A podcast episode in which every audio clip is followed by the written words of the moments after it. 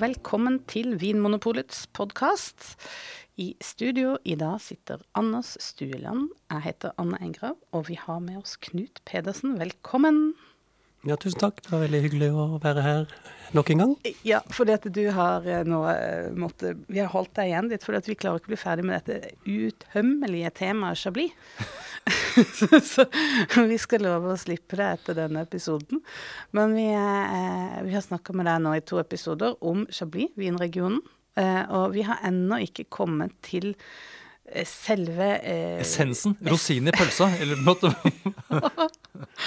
Som handler rett og slett om disse her ulike nivåene i, i kvalitetshierarkiet. Eh, dette som handler egentlig om pris og kvalitet. Ja. Og lover og regler. Og lover og regler. Mm. Prestisje. Mm. Status. Ja. Status, ja da. Her er det mye. Ja, så dette er jo egentlig veldig eh, Det er jo såpass gøy at vi burde egentlig bare Skal vi bare gå rett på, eller? Hva, hva, hva syns dere? Må vi, Nei, må vi nå- beat around the bush? Vi skal ikke gå rundt grøten. Nå skal vi eh, gå rett på. Eh, og da kaster jeg meg ut i det. Jeg sier at det, de fleste vininteresserte de har fått med seg at eh, Chablis deles opp i fire eh, eh, nivåer. Petit Chablis, Chablis, Premier Cru og Grand Cru.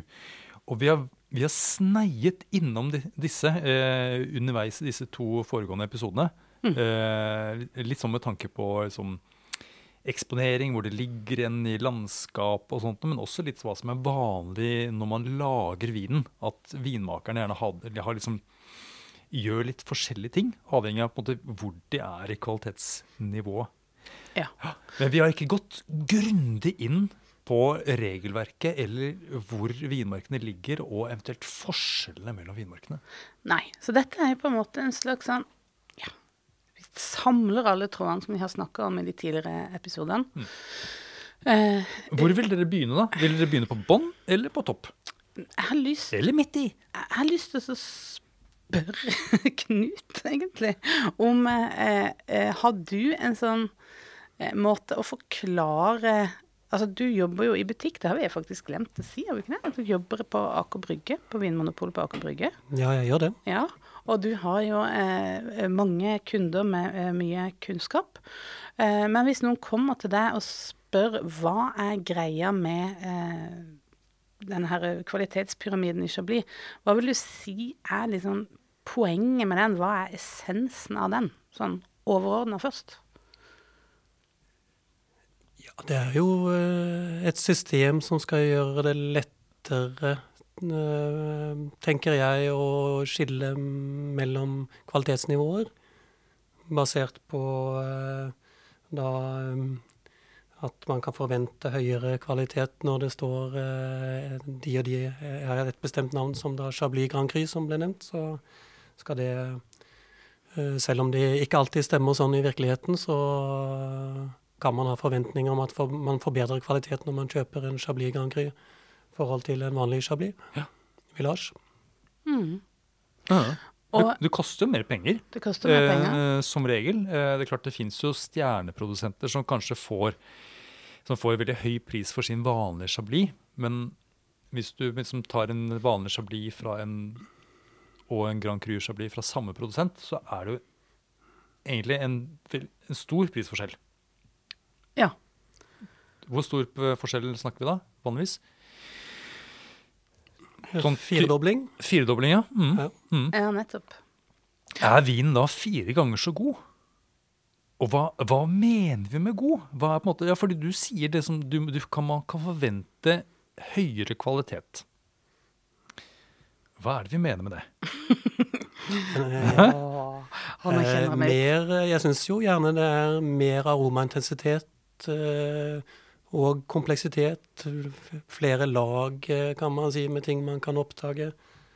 Eh, det er eh, de gode tingene man oppdager i drikken, eh, varer lenger. Ja. Det, og det er ofte sånn at det kan være ting som er mer tydelig, distinkt, karaktersterkt.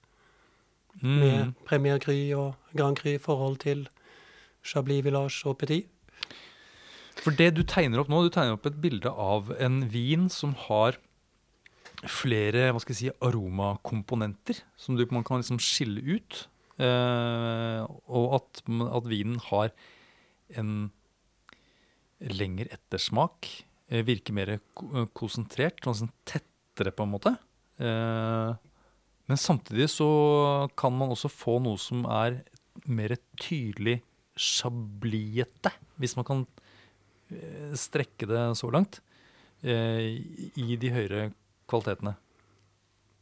Ja, vi snakket Ja. jo om det med sjøpreg, sjøfossilpreg, Ja. eh, som ofte eh, er noe som jeg føler blir mer markant med Premier Gry og Grand Cru.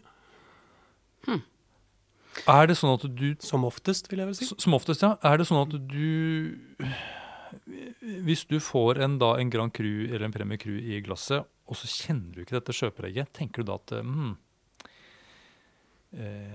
det er ikke en riktig chablis, eller at det er ikke en god chablis, eller det er liksom her har de eh, bomma? Hvor, måte, hvor streng er du?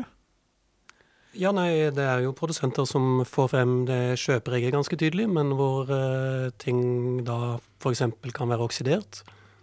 At fruktkvaliteten ikke er sunn lenger, men eh, det sjøaktige preget er der. Så på en måte kan man i blindsmaking føler seg rimelig sikker på at det er chablis, men allikevel så går vinen i vasken. Ja, nettopp. Jeg tenker at vinen er ikke spesielt god, selv om den har et sjøpreg.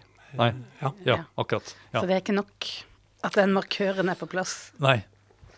Men må den være der for at det er en god chablis? For at jeg skal bedømme en vin eh, høyt på 100-poengsskalaen, så må det være der, ja. Mm. Nettopp. Ja, fordi, ja. Ja, det, ja og for, for jeg er usikker på om jeg hadde hatt Om jeg hadde stilt det som et krav, egentlig.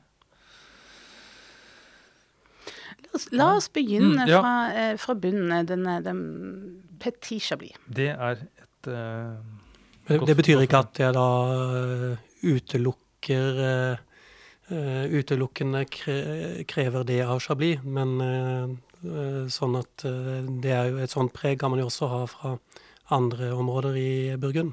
Mm. Ja, ikke sant? Ja. Men eh, det bør jo være der også. mm. Ja, la oss begynne på, på bunn, som da er Petit Chablis. Eh, skal vi si noe? Altså, det er jo ikke, det er jo ikke sånn at fordi da snakker man om at det er, det er en, en vinlov knyttet til navnet Petit Chablis. Det er, noen, det er noen regler, men det er også et område. Og da snakker, man ikke, da snakker ikke vi om at det er at det er klumpet sammen som én enkelt vinmark i Chablis, men at det er, det er egentlig spredd litt sånn klattvis eh, rundt omkring i eh, dette området som er på en måte Chablis, da. Er det som et slags utslett på kartet? Ja, hva sier du, Knut? Er Petit Chablis eh, et utslett på kartet? Man får jo ikke utslett eh, nødvendigvis overalt, så det, og sånn er det. Det er ikke Petit Chablis overalt heller, så det kan man vel godt si. Oh, det, nei, det det virker ikke som det er et system.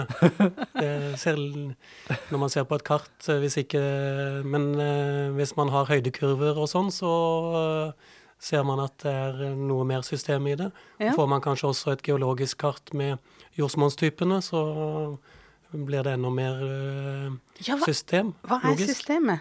Kan ikke du forklare meg det, for det Ja. Det hadde vært oppklarende.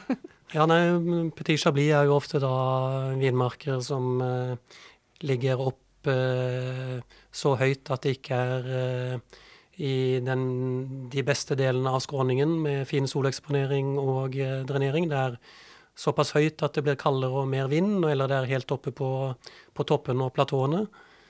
Eh, eller det er eh, så langt ned at det begynner å bli tvilsom eh, drenering, og, og det er lite igjen av eh, kalksteinen. Det blir Mm. mer andre ting. Og kanskje litt Og- mer utsatt for frost også? ja. Ja, og det er også vel selvfølgelig eh, noe som henger sammen med hvor langt det er fra midtpunktet i Chablis, altså selve byen Chablis. Mm.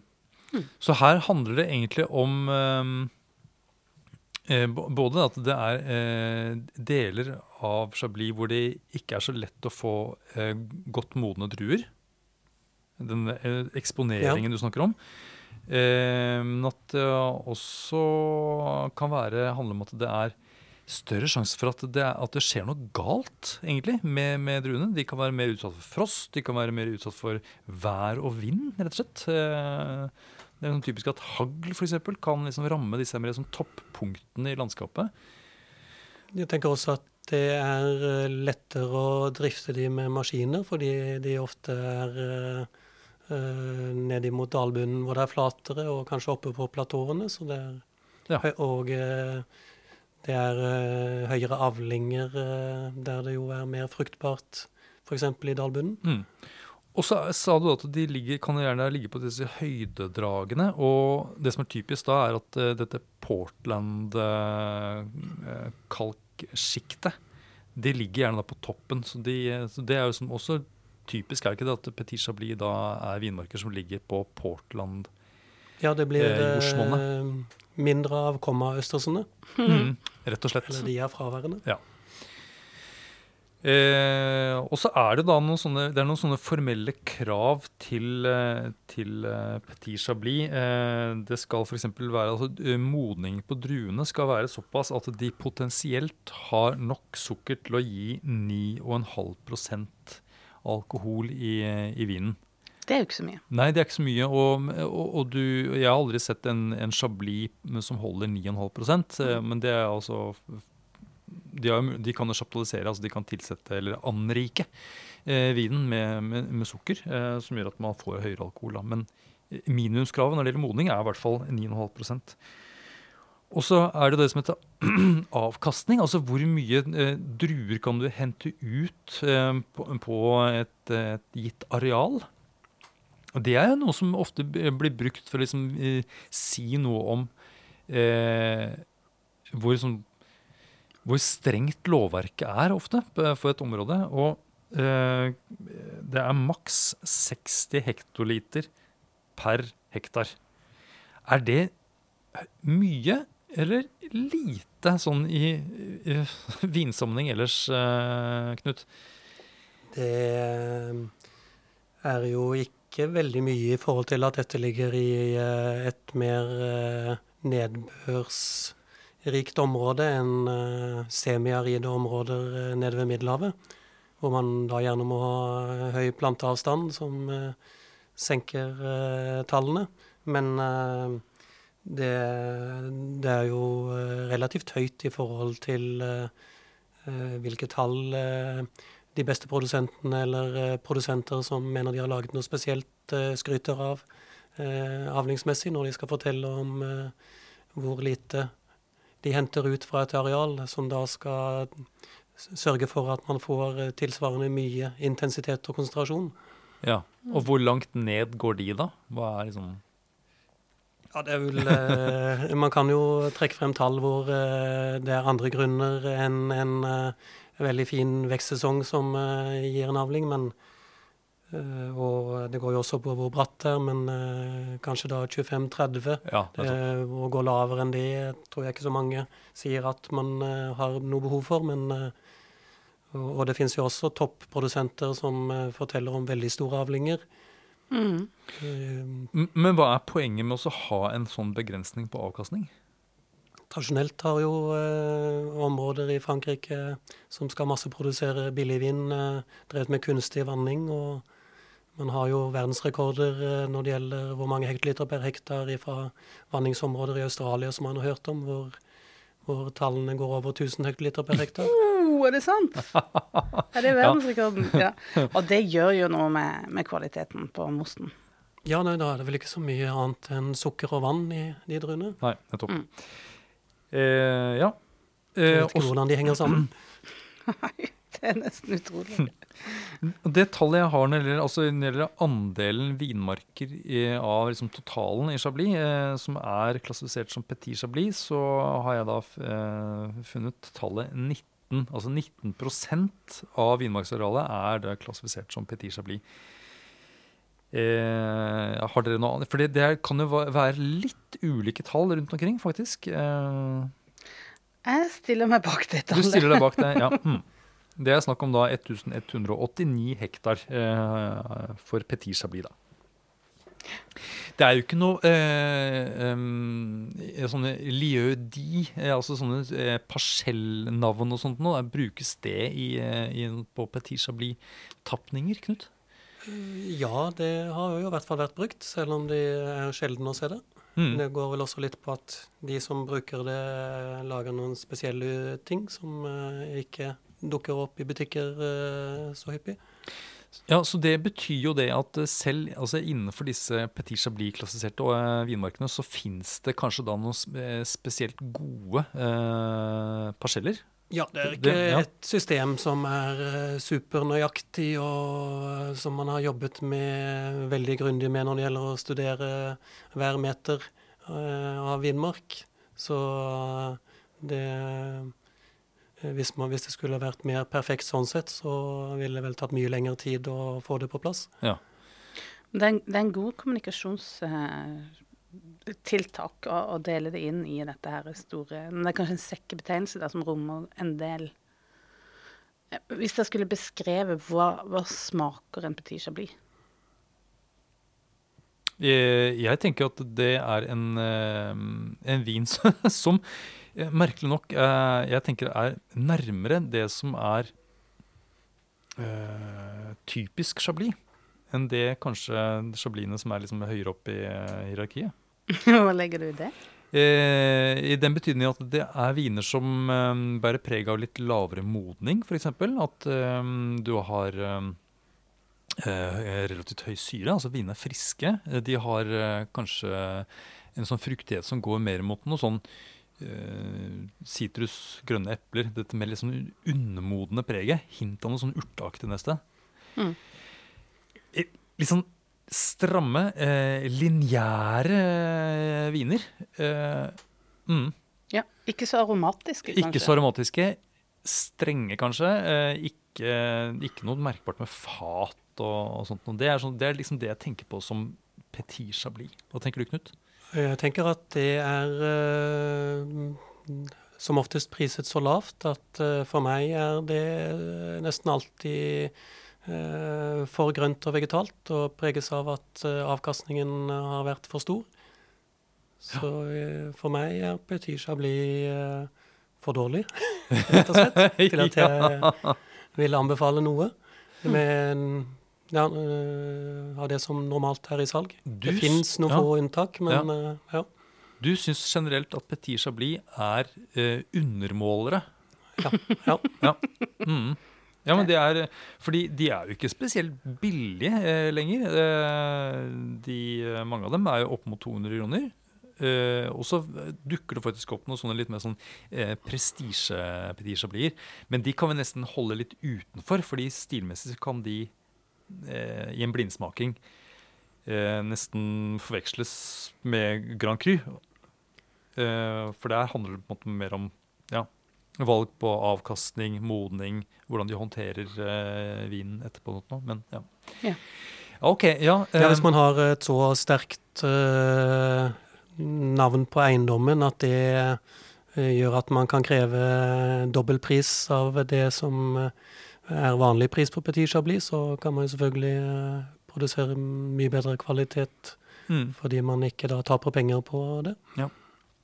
Nei, kanskje, jeg liksom eh, mm, ser litt for meg at liksom den der strenge vinen er liksom er chablis, men kanskje det er eh, Kanskje det er noe mer der likevel.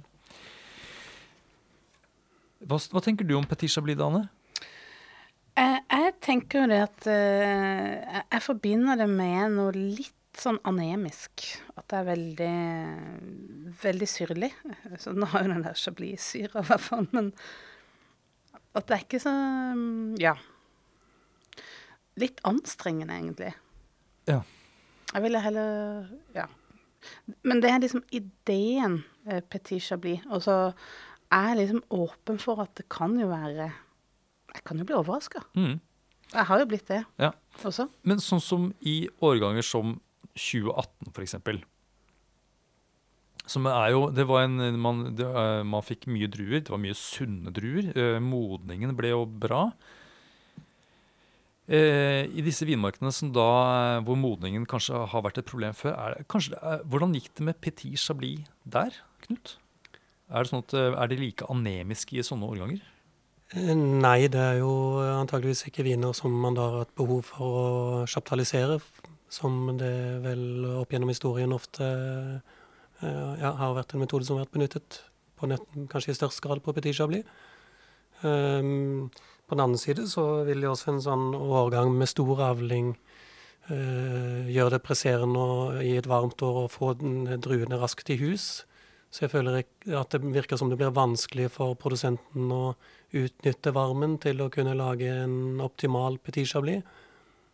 At de heller velger å plukke Petit Chablisen eh, i god tid, sånn at de uh, har mannskap og utstyr klart for å plukke i de mer viktige vinmarkene, rett og slett. Ja, man må prioritere, og mm. vi regner med å plukke Premier Cry og Grand Cry de dagene, så må vi få unna petit chablisen og chablisen. Ja. er sant. Nettopp, så det er jo Og det er risikabelt å vente til etterpå eventuelt, selv om man kunne tenkt at der modner druene eh, sist, fordi Ja. det er dårligere forhold for modningen. Ja.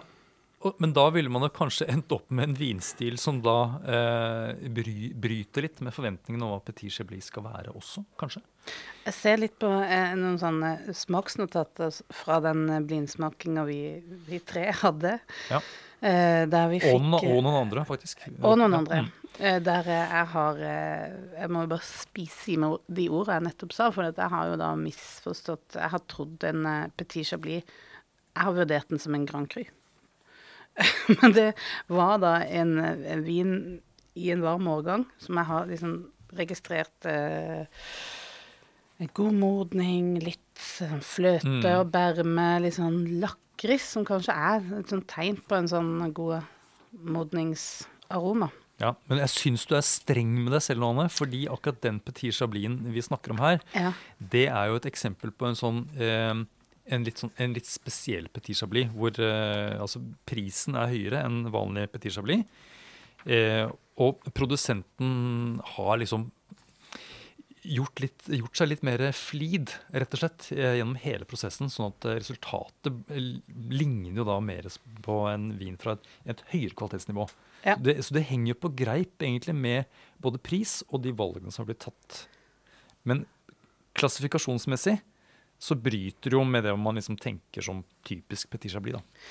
Ja, det er jo litt som Jeg tenker det er litt sånn gjengs for hele dette kvalitetshierarkiet at det, at det er litt som en sånn eh, Hva skal man si et, et teaterstykke.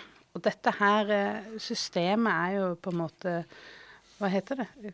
Eh, Det er selve verket. Det er litteraturen. Og så er det jo opp til hver produsent å tolke sitt uttrykk inn i det hierarkiet. Og, og dette her er jo en litt sånn alternativ tolkning av Petit Chablis. Og på samme måte kan man jo også finne det i, i Grand Cru. eh, noen som går helt utafor boksen og setter opp eh, Per Gynt med kvinnelig hovedrolle og ikke sant. Det, men det, vi skal kanskje snakke om den klassiske stilfortolkninga. Jo, jo, men vi må, vi må jo på en måte se om kart og terreng stemmer. Og, Ja. og jeg eh, tror, og har vel også oppfattet det sånn at det er flere produsenter i Chablis nå som begynner å ta Petit Chablis på alvor. De ser sikkert et potensialet for å faktisk tjene mer penger på det også, men det ene fører liksom til det andre. Høyere pris. Eh, kan man liksom legge mer eh, arbeid i det også? Så jeg tror at man vil se mer av den typen Chablis som vi smakte. Mm. Med den muligheten for å innhente informasjon nå, eh, som er mye bedre hvis man er aktiv med det, så er det jo lettere å, å få frem at man har laget en Petit Chablis som eh, nettopp kan matche Premier Gryen og Grand Gryen i kvalitet. Mm. Ja. Men det er jo litt gøy, da, at det er ikke, det er, da er de egentlig ikke hemmet av eh, jordsmonnet for å lage en vin som vi i en blindsmaking kan oppfatte som en Grand Cru-kvalitet. Nei. Ikke når uh, værforholdene er optimale Ja. for den uh, beliggenheten. Ja, nei? Mm. Mm. Ja, men Eh, skal vi, Skal vi skli videre? sakte over til, eh, til da liksom kommune-Chablis, eller på en måte Chablis-Chablis? Som er på en måte er neste nivå? Ja. Ja. Du vet at i Kristiansand så mener de at måkene sier ikke Altså, måkene skriker 'chablis', chablis. Ja. Eh, skal jeg komme med litt tall igjen, eller? Ja, gjør det. Facts gjør and det. figures igjen. Eh, figures. altså, uh, Petit Chablis, der var jo minstekravet 9,5 potensiell eh, alkohol. eh, Mens nå uh, sier loven at her skal vi ha 10% potensiell alkohol. Og det uh, i praksis så betyr jo det at det er omtrent 10 gram eh, sukker eh, eh, mer per liter enn i mosten for en Petit Chablis. Og knapt noe, og faktisk ikke egentlig fullt det engang. Ikke fullt engang, nei. Så det er jo veldig liten forskjell. Veldig liten. Ja, det er, veldig, det er liten forskjell. Eh, og når det gjelder avkastning, altså hvor mye druer man kan hente ut, så er kravet, det, altså maks, eh, kravet er det samme, eller grensen er det samme som for Petit Chablis. De skiller altså ikke mellom de to der. Er det noen Seks- forskjeller? 60, 60 ekstiloter per hektar. Er det noen sånn lovforskjeller mellom disse to appellasjonene, egentlig? Eh, nei, på det tekniske Mm. eh, så er det kun den- denne halve, halve prosenten i potensiell alkohol. Ja. Men så er det dette med jordsmonnet, ikke sant. Eh, at her eh, var det i hvert fall en tanke om at eh, man skulle ha vinmarkene på såkalt Kimmeridge-jordsmonn. Men om det er tilfellet lenger, det er jeg usikker på. Nei, med, med utvidelsene som Ja. da kom etter hvert, så er det jo ikke det, er ikke det tilfellet lenger, nei. Nei, for det som har skjedd, er at det, det som før eh, var kanskje regnet som Petit Chablis, har liksom sklidd over og blitt til Chablis. Eh, noen deler av Og til og med Premier Cry. Nettopp, ja. Eh, så Chablis er jo Det er jo den delen av appellasjonen som har vokst mest. Er det ikke det? Jo, det Jo. har jeg også sett. Eh, skal vi se på noen tall her. skal vi se, eh, For i, eh, i 1950, da, hvor det var liksom bunnivået sånn arealmessig i Chablis, så var da vanlig kommune-Chablis hadde da 122 hektar. Eh, mens mens eh, Chablis eh, vinmarkene har vokst noe voldsomt. Så, så i 2018 så er vi oppe i 3656. Og det er est ut noe fantastisk, egentlig. Og mye har skjedd de siste åra òg, egentlig. Mm, det, det har det. Så det er klart, eh, her har det nok måtte, blandet seg inn en del sånn Portland-jordsmonn. Hvordan preger det vinene, Knut? Tenker du at har liksom kvaliteten gått ned på Chablis? Vanlig Chablis? Nei, fordi uh, vinbøndene får jo totalt sett eh, mer igjen for den eh, kvaliteten de lev leverer nå. Der prisene har gått opp, så eh, de får bedre betalt for hver flaske de selger enn eh, de gjorde tidligere. Kostnadene med å produsere har ikke gått opp eh, tilsvarende. Så det betyr at de kan legge mer Billig uh, drueplukkerarbeidskraft og maskiner. Eh, og mye mer prisstigning eh, per flaske enn eh, kostnader med å produsere den samme mengden. Ja, Så du tenker at de pengene de bruker produsentene på å så lage På og, be bedre ja, vin? Ja, redusere avlingen f.eks. Beskjære plantene mer. Altså ikke prøve å oppnå maksimal avkastning hver gang, eller kanskje overskride den og ende opp med å sende en del av vinproduksjonen til den eh, påbudte destilleringen. Mm. men hvor de da garderte seg for å kunne produsere maksimalt eh, så sant de kunne. Mm. Mm. Kan vi tenke litt sånn at uh, i og med at uh, vi vet at høstetidspunktet har flyttet seg én måned fra sånn 70-tallet til der vi er i dag, eh, druene blir raskere modne, det er lettere å få modne druer i Chablis, eh, er det sånn at denne utvidelsen av som Chablis-området nesten har liksom utviklet seg parallelt med eh, tidlig innhøsting. At at det henger litt sammen. på en måte, At det, liksom, det kan være en, en logikk der nesten. Det er, det er ikke sikkert at det er det de tenkte med utvidelsen av Chablis, men at man nå eh, At de, disse områdene som ikke var gode nok før, der får, man, nå, der får man modne nok druer nå.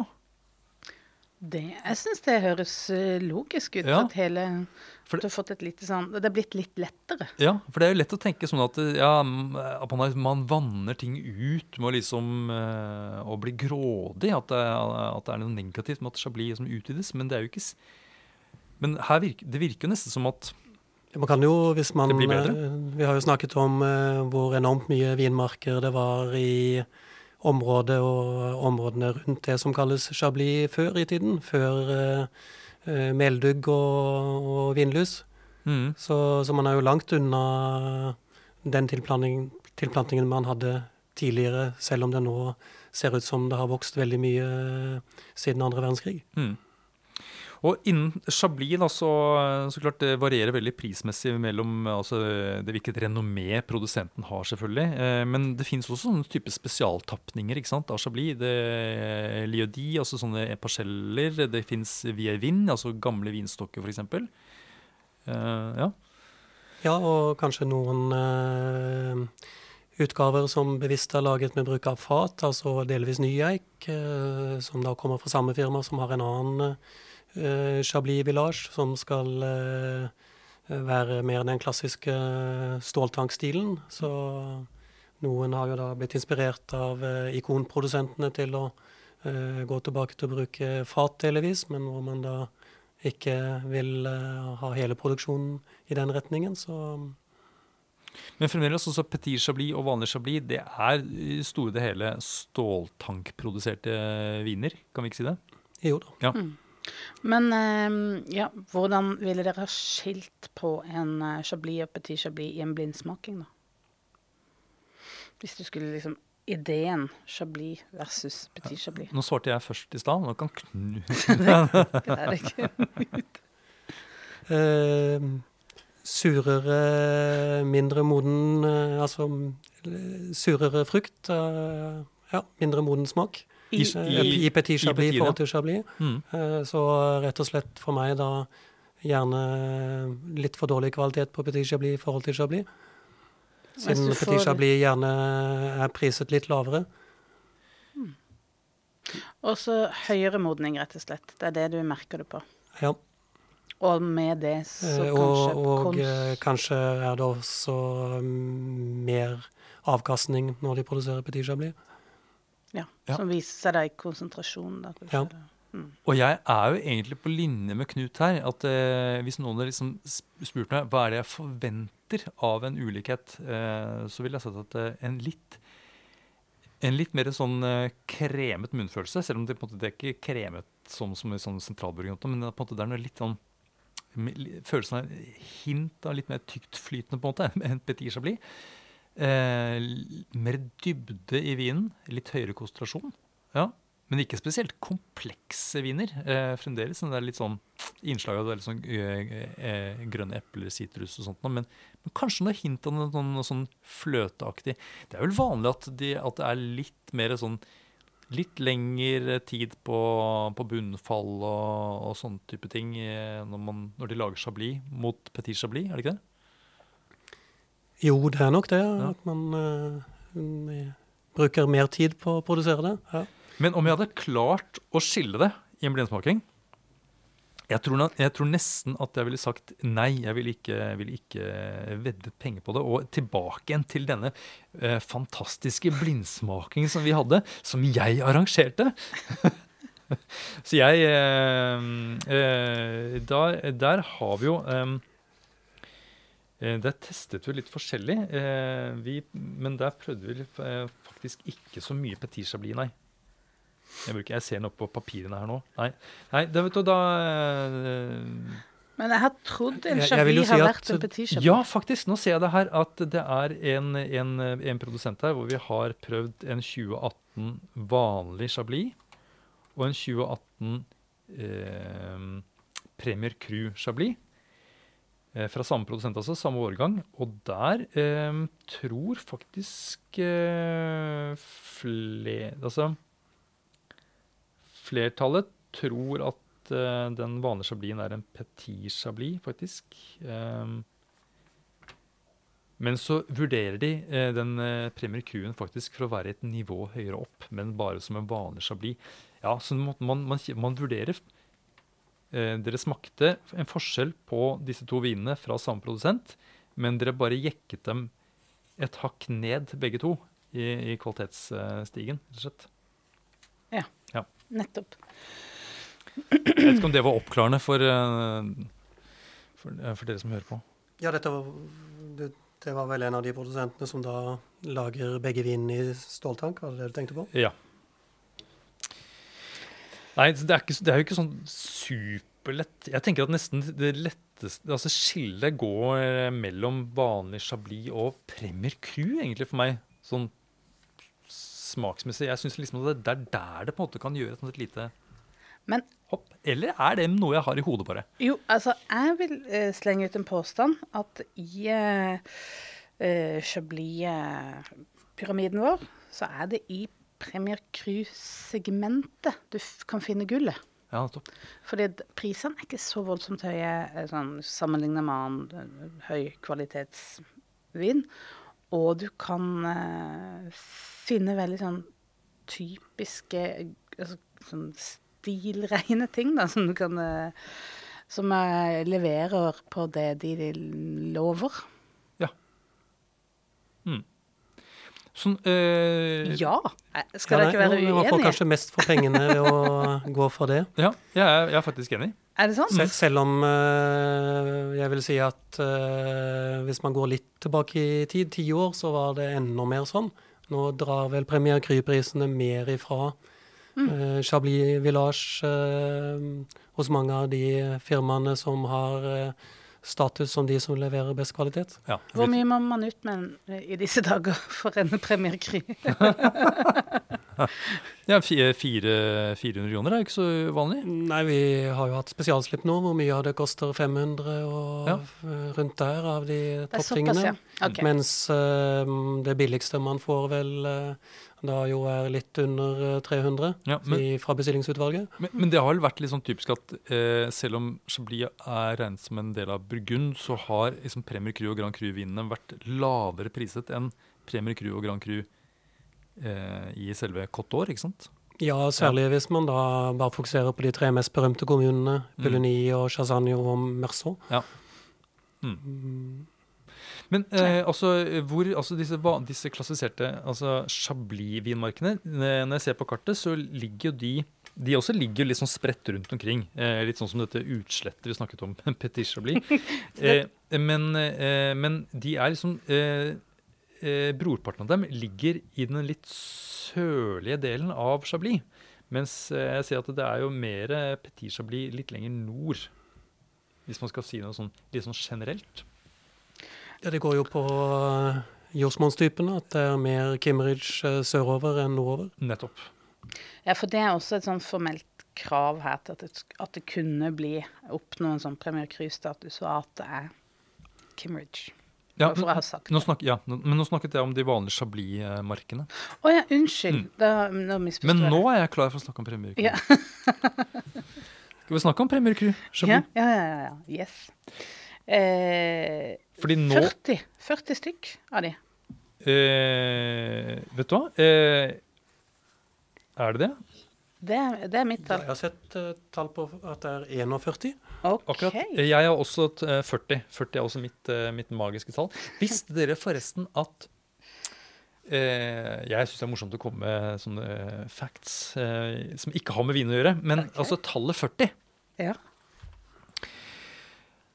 Eh, det betyr eh, Det er det samme Og dette er morsomt. Dere har hørt om eh, eventyret om Ali Baba og de 40 røverne, Mhm. ikke sant? Ja. men på arabisk så er, brukes 40 om på en måte, når man skal si at det er mange. Å ja. Da sier man 40. Ja. så det er egentlig Ali Baba og de 40 røverne.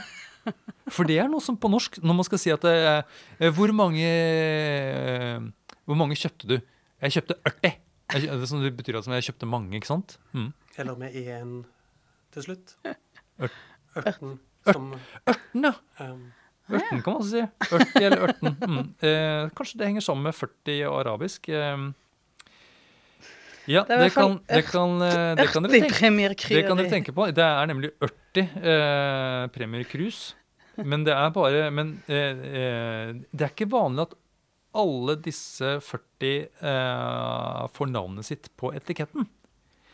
Eh, fordi nå snakker vi om at Fordi nå kan produsenten bruke eh, altså eh, Premier Crew-navnet på etiketten, ikke sant? Men det må stå, det må jo stå Premier Crew i tillegg. Ja. Ja, det er en forskjell fra Grand Cru. Grand Cryer i sentralburgen, da. Ja. At det ikke kan eh, stå som selvstendig AOP. Nei. Kun navnet på Grand Cru-marken. Det står bare navnet på byråmarken. men Det gjelder altså ikke for Premier Cru Chablis. Jeg jeg er litt glad. Jeg syns det er ryddig at det står eh, spesifisert. Mm, ja. Så, men eh, det, det er Her eh, snakker man om at de, av disse 40 Premier Cru-vinmarkene, så er det noen som er, hva skal jeg si eh, Hovedvinmarker. Som rommer andre Premier Cru-vinmarker. Det er ikke så ryddig, syns jeg. Da blir det veldig eh, vanskelig igjen. Ja. Det er kanskje der din, din 41 kommer inn, da. At det er Nei, en jeg, som jeg mener eh, at jeg har sett 41 som eh, antallet på de forskjellige, og som eh, forhold til det med paraplynavn eller prinsipale navn, som, hvor det er 17. Paraplynavn, det er det man kaller det på, på norsk. For jeg ser at eh, i, på, altså, i fransk så, eh, så kaller man det for porte drapeau. Som betyr egentlig fane. Men paraplynavn, rett og slett, det er jo det er litt gøy. Men kan vi komme med altså et eksempel da på et, et sånn eh, Et paraplynavn er f.eks. Den, altså den største Premier Cruen av dem alle, sånn eh, i areal. Forsom. Eh, og det er da eh, eh, Står det Forsom på, eh, på flaska, så, eh, så, eh, så kommer det fra et, et, sto, et ganske stort område. Men så kan det også stå f.eks. Eh, Voloran på flaska. Og det er da en Premier Cru-vinmark som ligger inne i Forsom. Og så fins det da andre også, sånn som Le Mort, altså Den døde mannen. Som også er et, eh, en Premier Cru-vinmark som ligger inne i Forsom. Det er jo litt, eh, det er litt snedig. Ja, da, jeg kjenner da blir jeg svett. Men hvorfor, hvorfor gjør man det på den måten, Knut? Hva er poenget med å rote det til? Poenget er vel at de eh, har tenkt at det er for mye å holde styr på veldig mange navn, så da fant de vel ut at vi skulle heller bruke en begrenset mengde navn, Ja. som da skulle bli berømte og selge godt. Mm. Man ville på en måte eh, lage disse varemerkene nesten. Ja. Men, men Men så, eh, etter hvert som vininteressen stiger og folk eh, får mer detaljkunnskap, produsenten eh, ser at de har såpass mye vinmarksareal innenfor disse prinsipale eh, vinmarkene at de kan lage forskjellige kuveer, i hvert fall særlig i årganger som gir stor avling. Det kan jo variere fra år til år. Noen lager kanskje bare én vin under det prinsipale navnet i en lavavlingsårgang, mens de i en høyavkastningsårgang avkastningsårgang lager flere versjoner. ja, for da har de nok til å liksom fylle fatet med bare den døde mannen, f.eks. Ja. Men se, har du sett en Det, tendens det kan jo generere mer salg, da. Og eh, vi som er samlere, smaker alle de forskjellige. Nettopp! Ah. Så Nettopp. det blir mer å, å tilby. Ja. Eh, eh, jeg har jo nevnt allerede noen sånne formelle krav for eh, både Chablis og Petit Chablis, og jeg kan ta det da også for Premier Crew. da. For her er, da, her er man da oppe en halv prosent i potensiell alkohol. Altså Man krever litt høyere modning på druene. Ti og en halv? Eh, Er vi på 10,5, ja. Um, og så er avkastningen er jo sånn maks 58 hektoliter per, per hektar. Så det er jo da to eh, hektoliter mindre enn for Petit Chablis og Chablis. Og jeg må jo si at to hektoliter, det er jo ikke stor forskjell. Jeg kan, jeg kan ikke forstå at to hektoliter gjør egentlig noe, noe tydelig forskjell i, i kvalitet. Gjør det det? Nei, men dette her er jo øvre grense, da. Så det markerer vel med bare Ja, Men hva er poenget da, liksom? Nei, altså, det, nei, det kan du jo Det ser bra ut. Ja, vi gjør en forskjell. Liksom. Nei, jeg, jeg, jeg, blir, jeg blir ikke provosert, men jeg, jeg stiller meg litt undrende til det. Det, det gjør jeg, altså. Ja. Mm. Men man Eh, har jo også jobbet med tall som uh, går på at det er 45 hektoliter per hektar som er begrensningen, og så får man tillatelse til å overskride det Mm. med så og så mange prosent ut ifra hvordan årets avling eh, har endt opp. Ja, og jeg har også sett eh, produsenter som mener at de ideelle avkastningen for Chablis er 40-50-50. Akkurat. Ja. Eh, jo, Vi snakket litt om eh, areal eh, for Petit Chablis, som var 19% av totalarealet, mens Chablis har 66% av eh, totalarealet. Så det er jo på en måte en, en, en betydelig andel da, eh, som går til som er Chablis-vinmarker. Mens eh, Premier Cru er nede på 14 Ja. av, eh, av hele arealet. da. Mm. Så det er, Da snakker vi om ca. knappe 800 hektar, eller noe sånt. Eh, Jepp. 778 er det tallet jeg har, da. Mm. Mm. Det var raskt regnet. Knut. Ja, veldig, veldig raskt. Ja, ja, jeg kom til 783, da. Ja, ja, og det kan godt være at det er riktig, altså. Men noe, no rundt der, da, i hvert fall. Mm. Eh, så her er det klart at her har man snevret inn områdene. Eh, og eh, i likhet med Petit Chablis og Chablis så ligger Premier Cru-vinmarkene spredd litt utover. Men her er vel de mest, det meste av vinmarkene eh, har vel da Kimmeridge, har de ikke det? Jo da, det, Ja. selv om det jo eh, ble tatt med noe med utvidelsene som ikke er det. Så det er, ok, så det er på en måte noen Det- deler her som har litt Portland, men, men, men vi kan si at det er sånn generelt Kimmeridge. Ja. Det syns jeg Vi syns- kan bare si det Ja. nå.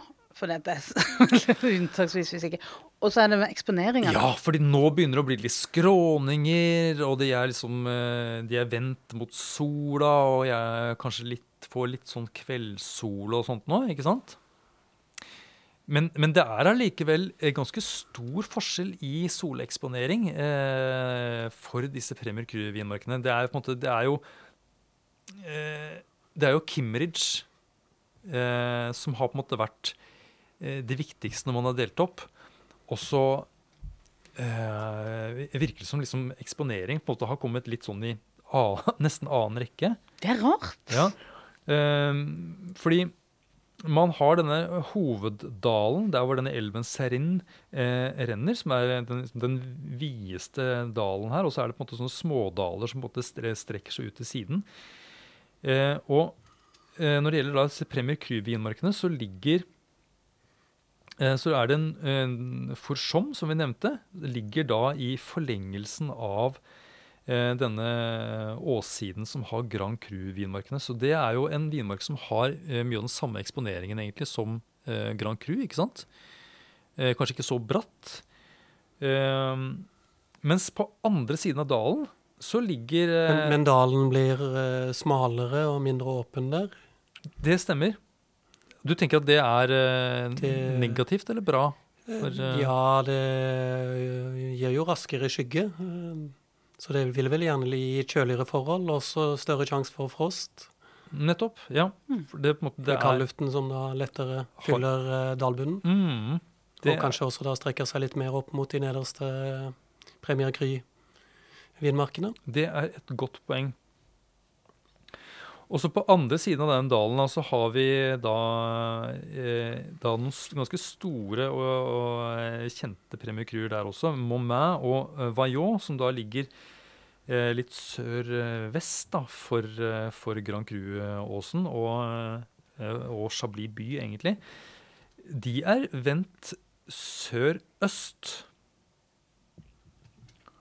Mens, mens Forsom er mer vendt da sør-øst. En mer, egentlig eh, mer en optimal eh, soleksponering for For eksempel, da. Ja, så sør eh, Vest, var det det du mente nå? Sør-vest for Skjom, ja. Ja.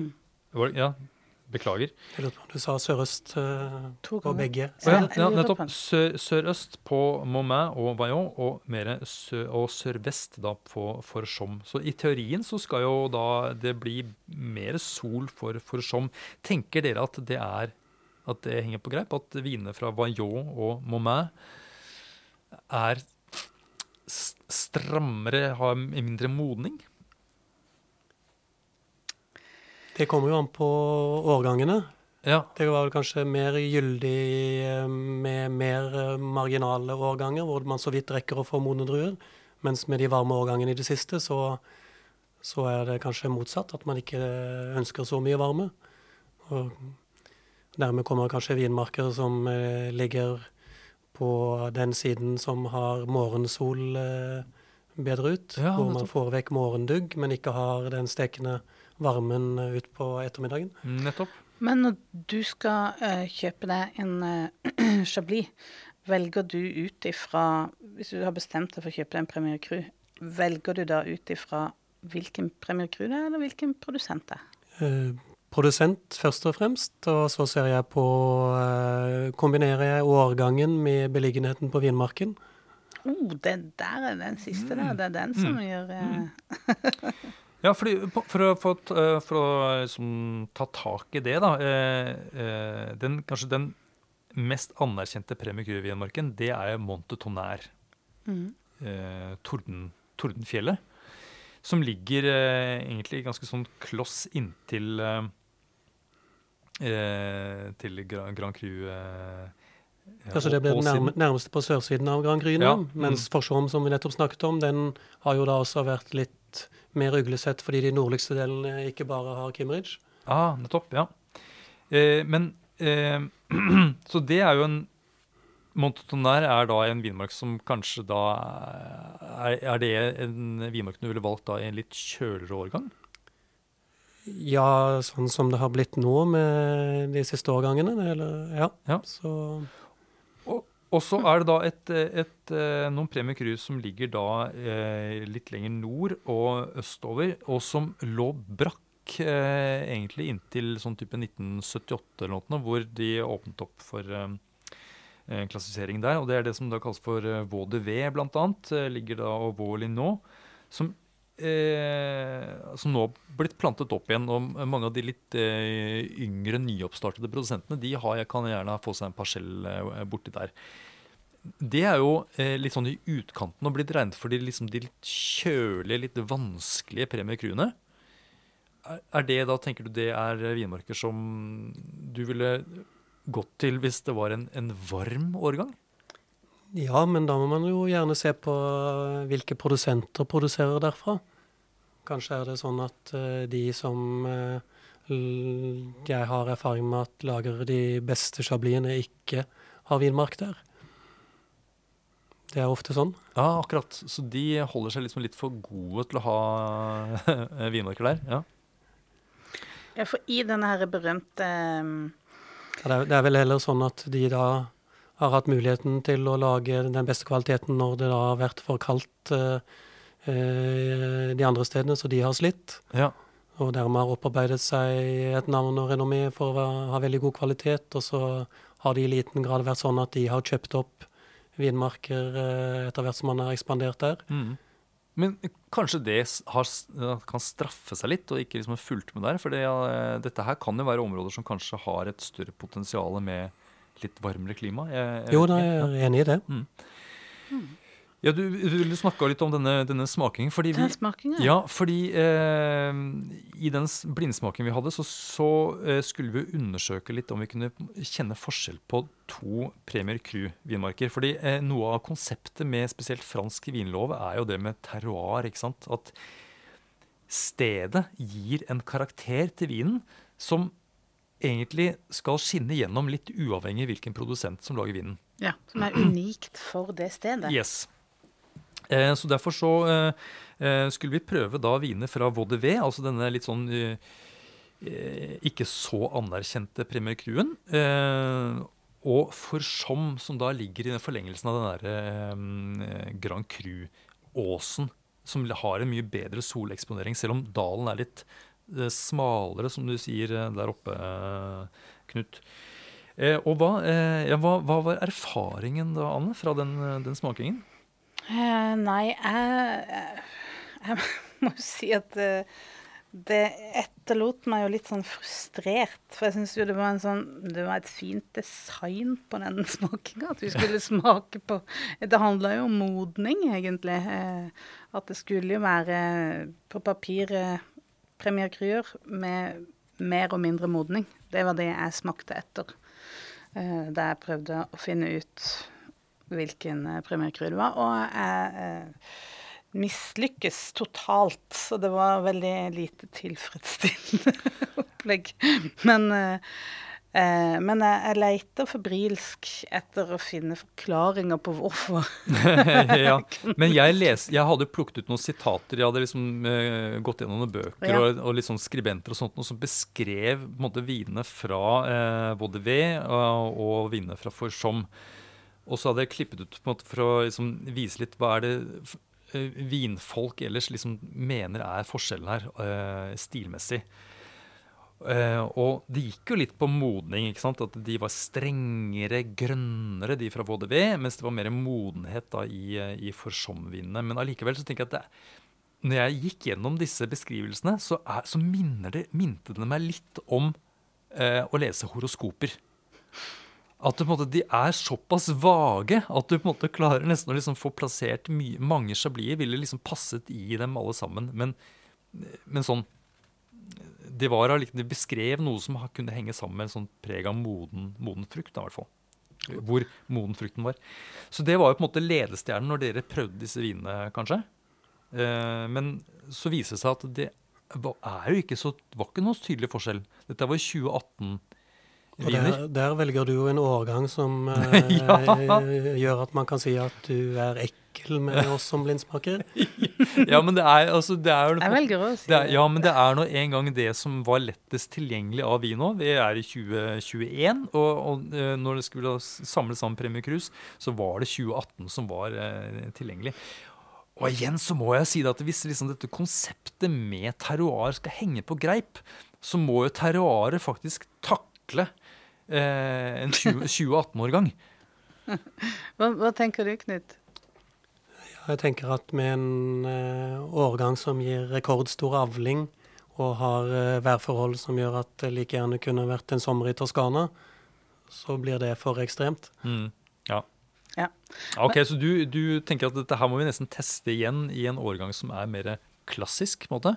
Ja. Ja, jeg, Eller en, en eh, Mm, jeg- kjølig, mye kjøligere årgang. ja, jeg, skal, jeg skal ta den utfordringen. Eh, Så vil jeg bare ven- vente til neste det. klassiske Chablis-årgang, som kommer om 100 år. 20 år, kanskje.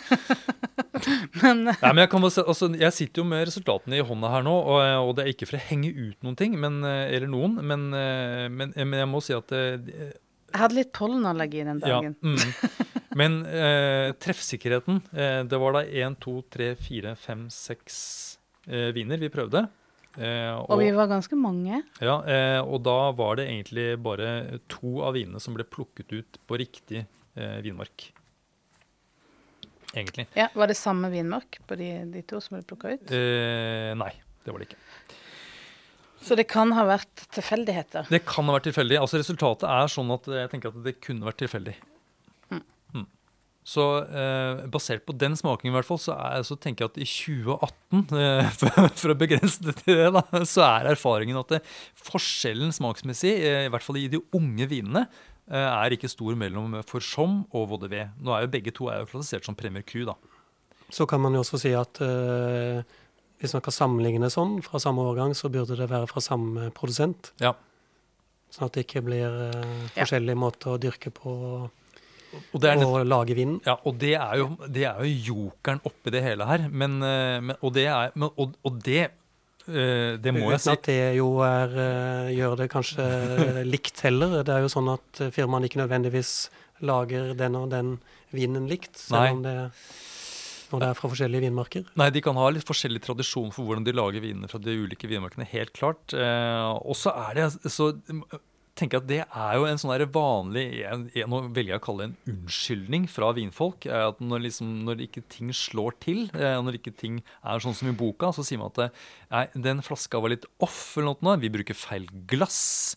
Eller at eh, man liksom prøvesette, prøvesette er ikke liksom ikke, er, Designet er ikke bra nok. da. Ehm, Men jeg er villig til å prøve det igjen eh, i en annen årgang. Vi er ikke ferdig med dette, Mm, for å si det sånn. Ja, mm. Eh, og det er jo en eh, oppfordring til de som hører på, Ja. å teste det ut. Se Så, hvor lett, ja, lett det er. ja, vi er ikke ferdig. Vi må helt til topps i kvalitetspyramiden. Og på toppen så er Grand Cru-vinmarkene kongen av Chablis. Ja, det er vel egentlig bare én vinmark. Det er jo egentlig det, for nå er det ikke snakk om noe utslett lenger. Nå er det en føflekk. ja. Ja, den er jo litt skummelt stor, da. ja. ja, men den vokser ikke. Det er i hvert fall bra. Den, er på, den holder seg, Størrelsen er veldig veldig stabil. Den er litt ujevn. Ja. Eh, jeg kan ta dette med, eh, dette med disse kravene igjen. Nå er det minimum alkohol er da potensielt 11 eh, Avkastningen maks 54 hektoliter per hektar. Så igjen så er det ikke stor forskjell fra, fra verken Premier Kry eller, eller Chablis, da, som har henholdsvis 58 og 60. Eh, Vinmarkarealet dekker da eh, om lag 2% av det totale Chablis-arealet. Hmm. Vi snakker da om eh, 102 hektar. Det er det jeg har. Jeg har eh, 106. Du har 106, ja. ja. Noe der, noe 106, noe har jeg sett Ja, noe som der det høyeste tallet. Eh, men det er da et område som ikke har est noe særlig ut. Et veldefinert område. Eh, en, eh, en åsside. Eh, noe av de bratt, det er noen av de bratteste vinmarkene i Chablis, ikke sant? Mm, Ja, det er ikke sånn at de nødvendigvis er brattere enn Premier Gryene. Ikke? Det er mer det at eh, de ligger Jeg tenker at grunnen til at de har fått uh, Grand Cru-statusen, er at de rett og slett ligger eh, nærmest Chablis by. Er det sant? Er det så enkelt? Ja. Men så bader de i sol, da.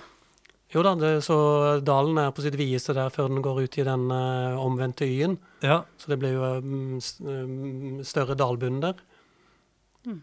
Så Så du tenker at det, er, at det har noe med det, det praktiske? At det er, det er kort vei for vinbonden å gå ut i vinmarken? Ja, det er eh, ja, Jeg, det, jeg er, liker Grand Cru i vinmarken. det, Det er er kort vei ut. det er det som hører til oss. Vi gidder ikke å gi Grand Cru-status til noe som hører til noen som bor langt Mm. vekk herfra. Ja. Vi eh, jobber ikke for andre. Eh, men her er det kun Kimmeridge. Her er det ikke, noe, er det ikke snakk om noe sånn Portland eh. Og det er jo sånn at eh, dette topplokket av Portland, det, det ligger jo liksom eh, ø, over eh, liksom, eh, denne åssiden med Grand Cru-vinmarker. Ja. Men der er det sånn at eh, de vinmarkene som ligger da rett overfor Grand Cru, de klassifiseres da som Petit Chablis. Det er ikke noe, på en måte, noe sånn Det er ingen sånn overgang med Premier Cru og vanlig Chablis. Det er rett over på Petit Chablis. Ja, det er vel en lite sånn skogsbelte Mm. mellom Eh, men iskiosk og noe hva, hva, hva, fortell litt mer om Grand Cru, eh, Knut. Eh, hva, er, den er delt opp i flere eh, eh, enkeltvinmarker, ikke sant? Selv om det, på en måte, det er én klump, så på en måte er den delt opp. Ja da, det er ikke så, så mange, så de går det an å pugge. Ja. De kan du. Jo da. Ja. Og den største heter Le Mm. Og liklo, det er jo egentlig en sånn innmurt Betyr at den skal være innemurt? Er, er den Ja, men her er det jo ikke noen murer rundt, så et Og den er på eh, da eh, i underkant av 30 hektar. ja, så det er da den, det er den største av, eh, av disse Grand Cru-vinmarkene. Mhm. Ja, den er omtrent dobbelt så stor eh, som eh, den neste. Så det, Men det er også den som regnes for å være den beste. det, ja, den ligger jo eh, mer sentralt midt i og har ikke så mye eh, forskjellig eh, topografi. Den er eh, forholdsvis homogen i forhold til soleksponering og, og ja, helning. Ja, skjønner. Og så har vi jo sånn som rett, Altså da sør-øst så har vi da den som heter Blanchot. Eh, som da ligger litt høyere opp, eh, gjør den det? Eller roter jeg? Ja, det blir jo ikke akkurat den eh, store høydeforskjeller eh, her, da. Men eh, også er det Grenouille, som ligger eh, Det betyr froskene. Eh, Historien skal jeg skal til at det er, altså det er en- den delen av vinmarken, eller den delen av Grand Cru, der kunne man var man så nær elven at man kan høre frosken. Er det derfor? Ja. Det, det, det høres logisk. Jeg kjøper den. Ja. Ja, hva med Bouguereau da? Hva betyr det? Eller Bougro, en, en eh, tredje Grand Cru-mark. ja. Den ligger også ned mot eh, elven, Ja. men der hørte man ikke froskene. Tydeligvis. sånn, ja. Men hvor stor forskjell er det mellom disse vinmarkene, Knut? Du, du har smakt en del vin. ja, og jeg klarer ikke å skille de fra hverandre. Det er, og det er så deilig å høre en, en mann som deg si det. Ja. Eh, nettopp. Men, eh, men hvis man da tenker eh, på Grand Cru generelt, ville du kjent forskjell på en Grand Cru og en, en Premier Cru, f.eks.? Eller eh, Ja. Hva, hva, hva forventer du av en Grand Cru? Av en god Grand Cru? Ja, da er vi jo tilbake til noen av de samme tingene jeg snakket om tidligere, med konsentrasjon og intensitet. Jeg forventer mer konsentrasjon og intensitet. Og i forhold til det med å, hvordan de lager vinen, så er det jo eh, vanlig å bruke mer eh, fat. Eik. Og du har jo snakka om at eh, det begynner å nærme seg mer sånn sentralburgundstil på vinene når du kommer opp på dette nivået. Jo da, det gjør jo at de jo da blir de vanskeligste å skille fra sentralburgunderne, Mm. Mm. hvis man skal generalisere. Mm. Ja. ja. Hva tenker Nei, du? jeg også, tenker, jeg også tenker det samme. Selv om uh, det fins Grand Cru som ikke har et tydelig fallpreg, uh, så er det noe med at de, de virker fetere. Det er, uh, de, de er rikere, det er høyere konsentrasjon. det er i hvert fall det jeg forventer. Eh, de er kanskje ikke sånn supersammensatte eller veldig komplekse egentlig når de er unge. Er dette viner som kanskje blomstrer opp ved lagring, eh, kanskje? Jo, det er i hvert fall min erfaring, Ja. eh, selv om uh, vi har snakket om uh, PMO, og det gjør at man må være litt forsiktig Mm. hvis man ikke skal kaste bort penger.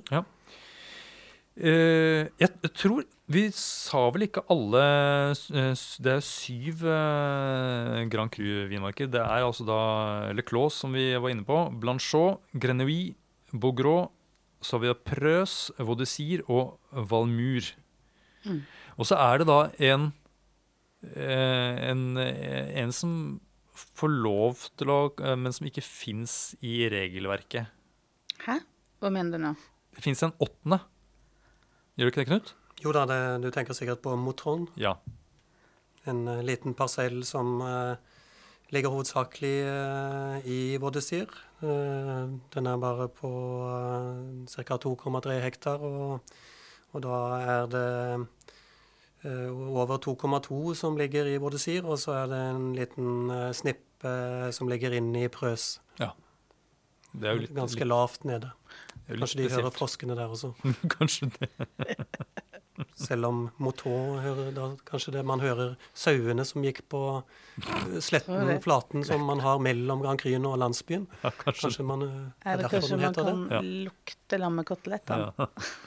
Nei, så denne ås, eh, åssiden med Grand Cru vinmarker, den strekker seg, den er ca. to km lang. Omtrent, er det ikke det? Og der er altså jordsmonnet så kalkrikt at eh, man må ha på seg solbriller når det er, eh, ja. når det er sol. Og tørt. Og- Ja, tørt. For det er så lyst jordsmonn. Eh, Ja, så igjen da, så er det eh, Ville du valgt eh, Hvis du skulle valgt en eh, Grand Cru, hvis du skulle investert, så ville du valgt på produsent mer enn en vinmark. En vinmark, eller? Ja. Og så i neste omgang Jeg ville også satt meg inn i eh, hva produsenten gjør i forhold til å bruke eik eller ikke. Ja. I forhold til hva man ønsker å kjøpe, da.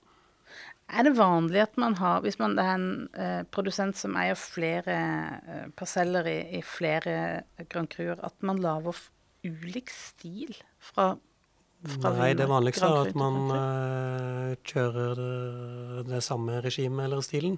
Men det er jo også eksempler på noen som da velger å, å produsere både ståltanksutgaver og eh, fatutgaver. Av samme samme årgang og Og samme vinmark? eh, Ja, kanskje ikke Jo, fra samme vinmark også har man vel sett det, at det er laget vin eh, da i ståltank og i fat. Det er jo en drøm for eh, vinklubber, tenker Ja, ja faktisk. Mm. Vi, vi testet uh. I denne smakingen? I denne blindsmakingen så hadde vi også en serie med, med Grand Cru-viner, faktisk. Um, det var én, to, tre, fire, fem viner. eh, som alle sammen var fra Grand Cru-vinmarken Valmur. Men det var forskjellige produsenter da, som sto bak eh, disse vinene. Eh, oppgaven eh, blindsmakerne fikk her, var rett og slett eh, å eh, bestemme om vinen var en petit chablis, en vanlig chablis, en premier cru eller en grand cru. Eh, og eh, av disse en, to, tre Det var fire viner, faktisk. Beklager. Av disse fire vinene så var det bare én vin eh, der eh, eh, noen av blindsmakerne mente at det var en Grand Cru. Eh, mens eh, eh, to eh, av vinene, da var det faktisk en del som mente at det var Petit Chablis. Eller vanlig Chablis. Ja ja. Ja, ja.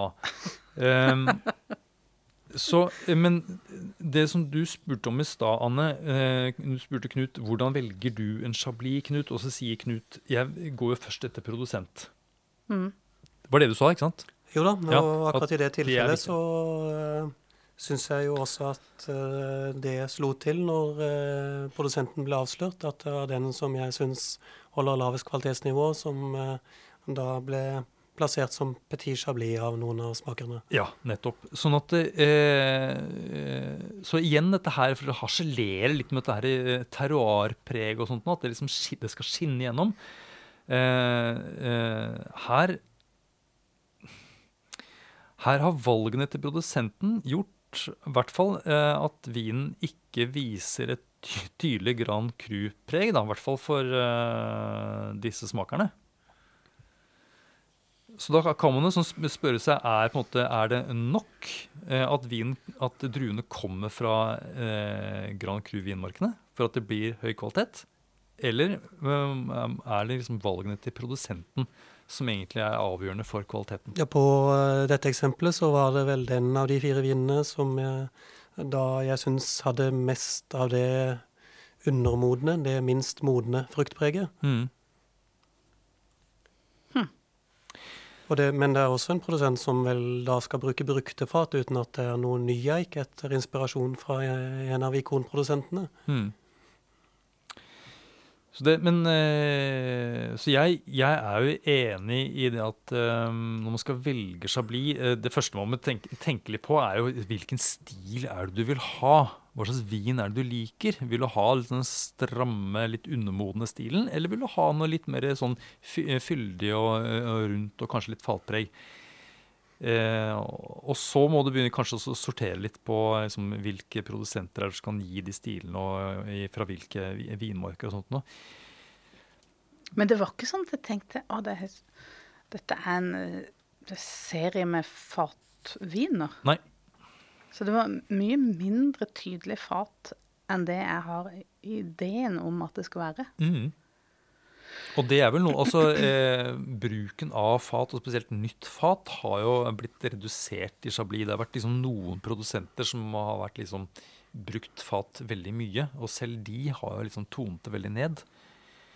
Eh, så de har liksom beveget seg litt bort fra den der sentralburgundstilen, en del av dem. Kan man si det? Det er jeg helt enig i. Mm. Litt fordi de tenker at det gir de en egen identitet, kanskje. Mhm. Ja, og det kan jeg skjønne. Eh, Skal vi eh, snakke litt om utvikling av Chablis, eller? Ja, det syns jeg er litt sånn Slenge på eh, det på, på tampen. Eh, Fordi eh, mange tenker på rødvin som liksom den vinen som skal legges ned i kjelleren for å utvikle seg. Men eh, Chablis har jo vært regnet for å være en vin som utvikler seg fint, eh, og som får sånn spennende aromaer. Kanskje mer av dette sjøpreget med lagring.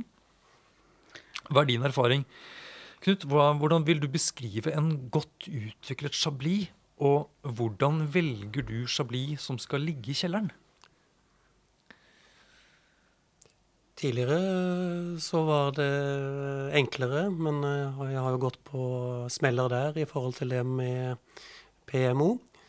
Eh, Så skulle jeg prøve å lagre en chablis lenge nå, så ville jeg kanskje til og med sendt en mail til firmaet og og spurt om eh, hvordan eh, svovlingen var gjort i den årgangen, før jeg handlet.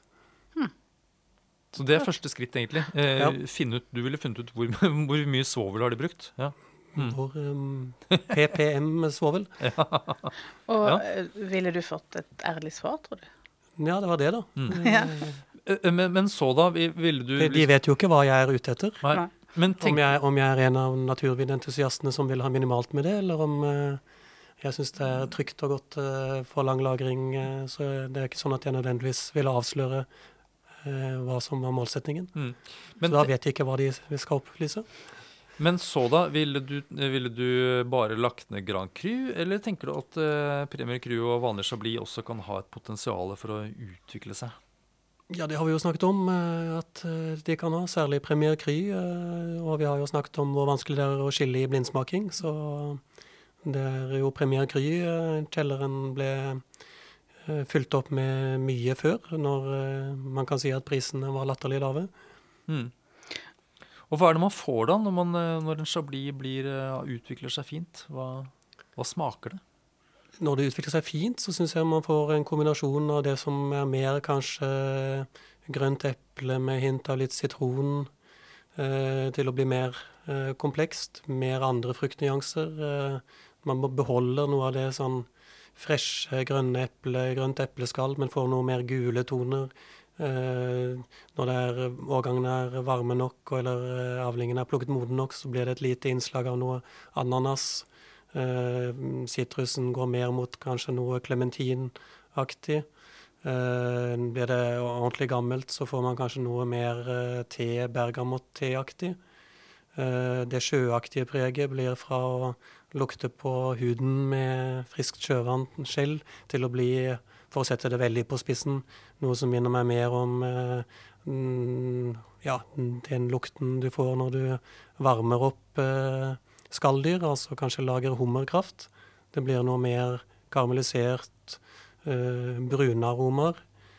Eh, men man skal jo ikke da ha aromer som går for mye i retning av melent eple, eh, eplevoks, eh, og absolutt ikke brunt slått eple, gammelt høy. Nei, Du får ofte noe litt sånn strå, men ikke Men eh, ja, jeg tolererer ikke for mye av de eh, sistnevnte. Aromaene. Du skal ha en kjerne av noe litt sånn mm, Noe, noe fersk frukt på en Ja måte? det ja. er Mm. det som er det magiske når de, man klarer å få til eh, en utvikling eh, som gir begge deler. Mm. Så i munnen får du også gjerne forsterket eh, det smøraktige med lagring. Det er jo generelt for det meste av vin med lagring. Mer smør, smørkaramell, litt sånn varm fløte. Enig. Min erfaring også. Så um, er det brukt litt ny eik, så øh, vil man jo også kjenne da kanskje snev av kokos og vanilje. Um, Du, når, når du kjenner vin som har litt sånt uh, våt ullpreg som ung, har du erfaring med at det kan, måte, at det kan bli litt sånn honningaktig med, ja, litt bivoksaktig. med bivoks? Ja. Mm, Mhm. det er kult. Hvor lenge, hvor lenge må man vente da, for å få uh, denne herlige Den, vinen? øh, er det laget med tilstrekkelig øh, svovling og forsikt, eller nok øh, kanskje lufteksponering, så den er mer stabil, fin sakte utvikling, så man ikke får noe rykk og napp-utvikling, så ja, bør de vel egentlig være 15 år gamle. Ja. Nettopp. Mm. Og hva er det du ser etter i Altså hvilke egenskaper er det årgangen skal bidra med? Eh, ønsker du da tydeligvis ikke full modning, eller eh, overmodning? Nei, ikke overmoden frukt. Det er jo uhyre sjelden at man øh, støter på i Chablis. Det kan jeg vel knapt huske å ha opplevd noen gang. Så det, de er jo såpass opptatt av øh, å plukke med nok friskhet. Så jeg føler ikke at det noen gang har vært noe å tenke på. Mm. Men hva er en god lagringsårgang? Hvordan- Eh, En, en vin som kommer fra en årgang hvor man kanskje får eh, naturlig lav avling uten at eh, det er fordi man må kassere druer ved et sent tidspunkt. Ved å drive med å klippe, ha en slags grønn innhøsting, som vi ikke snakket om. Men om man da reduserer avlingen på et veldig sent tidspunkt, hvor av, eh, mengden druer allerede liksom har tappet vinplanten for eh, det som kunne gitt mer intensitet i de druene som var igjen, hvis man startet med mindre mengde. Mm. Eh, så eh, lavt hektoliter per hektar, uten at det skyldes at man må kaste druer som er skadet av hagl, f.eks. Så en vårfrost kan egentlig virke Vårfrost kan være positivt, absolutt. Så lenge det ikke gir veldig vanskelig avling med to generasjoner av frukt, eh, hvor man har noe frukt som overlevde den første vårfrosten, men hvor det dannes nye knopper, og man får veldig ujevn modning. Så eh, ja. eh, Hvilke årganger er det du har hatt god erfaring med fra tidligere? En klassisk årgang eh, som mange forventet mye av, var jo 96, men eh, det er en årgang hvor veldig mye da ble rammet av eh, PMO. Så, men eh, 88 og 90 er årganger som var veldig gode. Ja. Dette er smalt, dette er smalt, Knut. Eh, og av de litt, eh, litt nyere årgangene, Ja, så, eh, har vi noen så burde jo 2002 ha gitt mye glede, men eh, eh, 2010 var en årgang som kom med mye friskhet, hvor vel mange burde være eh, på problemet med oksidasjon. Så eh, av senere årganger så har 15 vært eh, en veldig fin årgang for lagring. 05 eh, for så vidt også. Det er ganske god modning på det? God modning på det, men eh, ikke så ekstremt eh, tidlig innhøsting som i 03 og 18 og Mm. 19, 20. Ja. Så, men jeg tror vel at 19, vil kunne være en god årgang pga. de lave avlingstallene. Ja, Eh, Mange snakker vel også om god eh, friskhet i 20 naturlig i forhold til eh, eh, årgang 18. Så svakheten med 18 er vel eh, de eh, høye avlingene. Nettopp. ja, en bra oppsummering. Ja. Der fikk vi mye bra Jeg burde vel ikke ha hoppet over 2012, som eh, også var en klassisk flott Chablis-årgang. Kjølig Ja, men ikke for kjølig. Ja. 13 nevnte du også. Lav, som lav avkastning også. Ja. 13 eh, litt for uh, Det var regn og kaldt, var det ikke? Ja. Jo. Mm. Vanskelig. Da eh, har vi vel eh, krafset på overflaten i Chablis. Vi har fått litt Kimmich-kalk under neglene. Ja. Jeg tror kanskje vi skal eh, gi oss der. jeg. Får vi bare eh, oppfordre folk til å eh, finne ut mer hvis de ønsker det på egen hånd. Er det noen tips helt på tampen til hva, hvor man kan, hvis man er interessert i å lese, studere, smake, hvordan skal man ta dette videre? Er det noen bøker, nettsteder, podkaster? Nei. Jeg kommer ikke på det. Nei. Det går eventuelt å høre disse episodene en gang til. da. Jo da, det er jo eh, en ganske fin bok som ble utgitt av eh, skribentene som vurderte vin for eh, Dagens Næringsliv tidligere. Ja, det stemmer. Mm. Eh, Tom Martinsen og Gjerdrum? Gjerdrum. Ja. Gjerdrum, ja. Gjerdrum, ja. Mm. Med fine bilder eh, hvor man da Helt- kan se Helt enig. Ja. det er mer sånn plansjemessig med jordsmonn og, Mm. og selvfølgelig mye omtale av produsenter som ikke er helt oppdatert lenger, men eh, det Det er sant. Mm. er også mye fin detaljinformasjon eh, på en del eh, betalingssteder, men hvor man kan se mer generelle omtaler av, eh, av årgangene, f.eks. på sidene til Vinjus. Hmm. Nettopp. Ja, men det er flott. Altså, tusen takk for eh, Tusen takk for i dag, Knut og Anders. Takk for at du hører på Vinmonopolets podkast. Har du forslag til et tema i podkasten? Send mail til podkast at vinmonopolet.no. I tillegg svarer kundesenteret deg på e-post, chat og telefon.